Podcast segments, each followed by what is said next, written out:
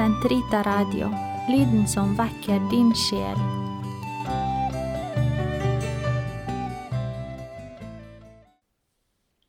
Den katolske kirkes katekisme, uke 34, torsdag 1485 til 1498. Kort sagt Påskedagsaften viste Herren Jesus seg for sine apostler og sa til dem, Motta Den hellige ånd. Om dere tilgir noen deres synder, er de tilgitt. Om dere holder syndene fast for noen, er de fastholdt. Johannes 20, 22, 23.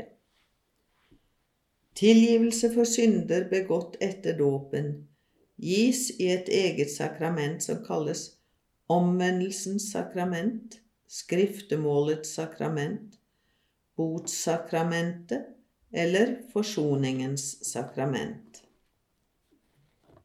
Den som synder, krenker Guds ære og kjærlighet, sin egen verdighet som menneske, kalt til å være Guds barn, og det åndelige velvære i Kirken, hvor hver enkelt kristen skal være en levende sten. Sett med troens øyne finnes det ikke noe verre enn synd, og intet har verre følger for synderne selv, for Kirken og for hele verden. Det å vende tilbake til samfunnet med Gud etter å ha tapt det ved synd, er en tilskyndelse fra Guds nåde, Han som er full av miskunn og bryr seg om menneskenes frelse.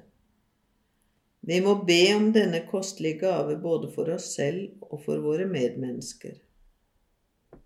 Det å vende tilbake til Gud, det som kalles omvendelse og anger, innebærer smerte og avsky for de synder som er begått, og det faste forsett ikke å synde mer i fremtiden.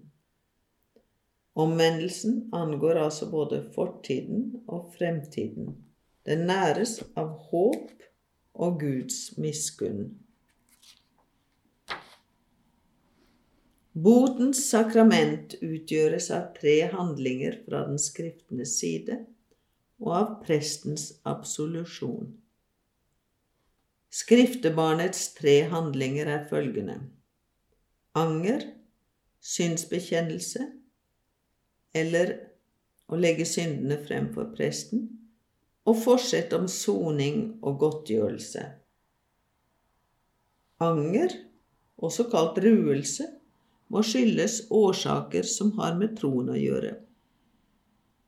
Dersom angeren springer ut av kjærlighet til Gud, kalles den fullkommen. Skyldes den andre årsaker, kalles den ufullkommen.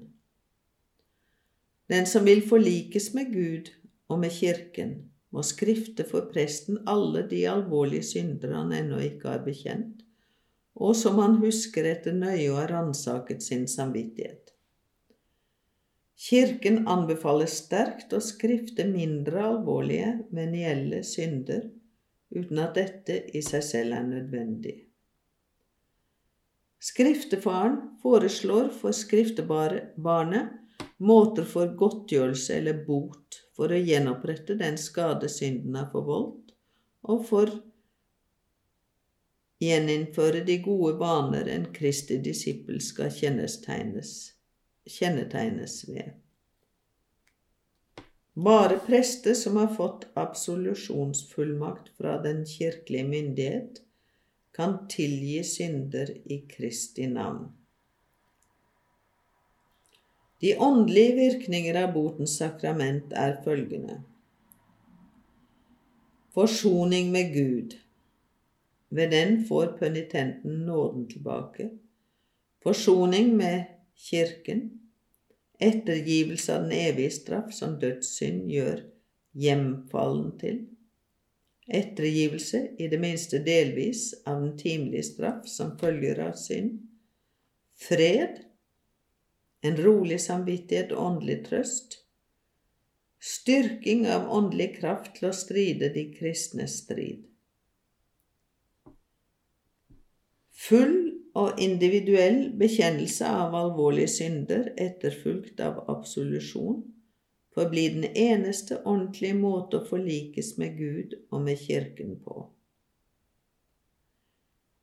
Ved avlat kan de troende oppnå for seg selv, og også for sjelene i skjærsilden, ettergivelse av den timelige straff som følger av synd.